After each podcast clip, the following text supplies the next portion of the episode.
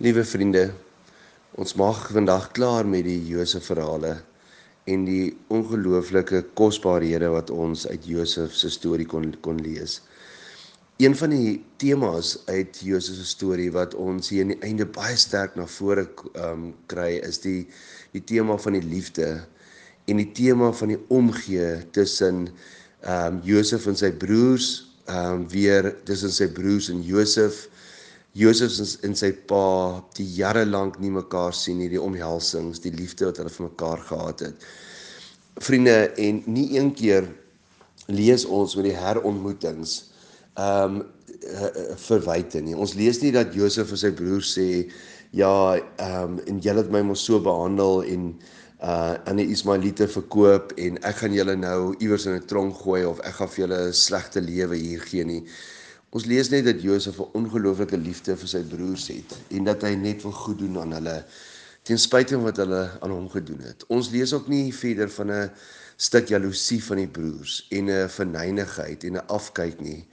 Want dit is maar so tyd heel wonde. Ehm um, en hulle het nou volwasse mans geraak want ons leer net lees net van 'n omhelsing en liefde en trane. Ehm um, ons lees ook nie dat Josef se pa Jakob vir sy ander broers kwaad is en te sê al hierdie jare het julle vir my gejok nie en al die jare het ek in rou geleef want jy moet eers 'n kind in die dood afstaan om te weet wat dit is om 'n kind in die dood af te staan en niemand en en en Jakob doen nie dit nie. Ehm um, ons lees net 'n toefou in liefde en omgee. En ek wil sommer vir oggend met hierdie afsluit met die Josef verhale deur te sê maar wat is liefde? Wat is ware ware liefde? Baie mense vra vir my baie keer as ons in huweliksterapie werk en ek vra as jy lief vir die ander persoon, dan sê die persoon van nie wat is liefde? Ehm um, liefde, die kortste definisie wat ek nog ooit daarvan gehoor het, liefde is om iemand anders die lewe te gee. Liefde is om iemand anders die lewe te gee. Ehm um, en dis wat Christus vir ons kom doen het. Hy het vir ons kom lewe gee. En dit maak nie saak hoe jy daai lewe gee nie of dit 'n emosionele lewe is vir 'n tienerkind of dit fisiese lewe vir jou uh mense in die huis is of dit 'n kompliment is of dit 'n uh, klip uit die weg rol wat jy vir iemand gee. Die oomblik as jy vir iemand lewe gee sê vir die persoon jy daai persoon lief.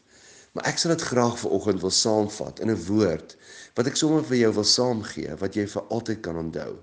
En die woord se naam is bravo Ehm um, die Italianers sê altyd bravo, bravissimo. Met ander woorde ook fantasties, ongelooflik.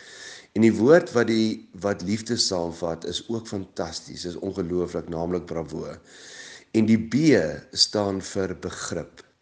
Ehm um, Josef se broers en Josef en sy broers het vir mekaar begrip gehad. Hulle het God se groter hand op die ouend in die verhaal ingesien. Josef het verstaan wat hier aangaan en hy het hierdie mense ver uit Israel wat weerloos is wat kon kos koop het hy het hulle op die ou end begryp want dit is wat die Hollands bewoord woord vir begrip is om mekaar te begrepe om mekaar vas te hou. So hy het sy omstandighede so as jy iemand liefhet begryp jy haar of sy kinderopvoeding hulle huis hulle lewe dit is wat liefde is. Dan het hulle het hy vir hulle ongelooflike respek en hulle vir hom maar ook veral tussen Josef en sy pa is daar respek gewees. Vriende, as jy iemand liefhet, respekteer jy iemand. En ons moet dit hier onmiddellik sê, iemand hoef nie eers respektabel op te tree soos die ou mense gesê het. Nee, as jy respek het vir jouself en jy tree respektabel op, sal jy alle mense, selfs die persoon wat op die pad slaap, sal jy voor respek hê. Ehm um, dan het die staan die A vir onvoorwaardelike aanvaarding. En dit is wat ons ook op die ou end gesien het. Hierdie gesin is herenig omdat daar onvoorwaardelike aanvaarding tussen die pa, die broers onder mekaar was.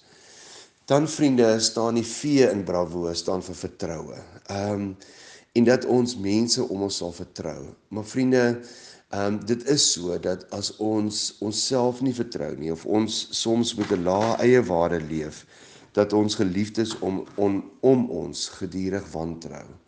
Ehm um, liefde is om iemand te vertrou en dan is die volgende stap van liefde is om openhartigheid te hê, om jou hart oop te maak, om mekaar se arms te kan huil soos Josef en sy broers en die onthou jy nog stories kan vertel. Mag u 'n bravo dag hê en mag u mense om u bravo.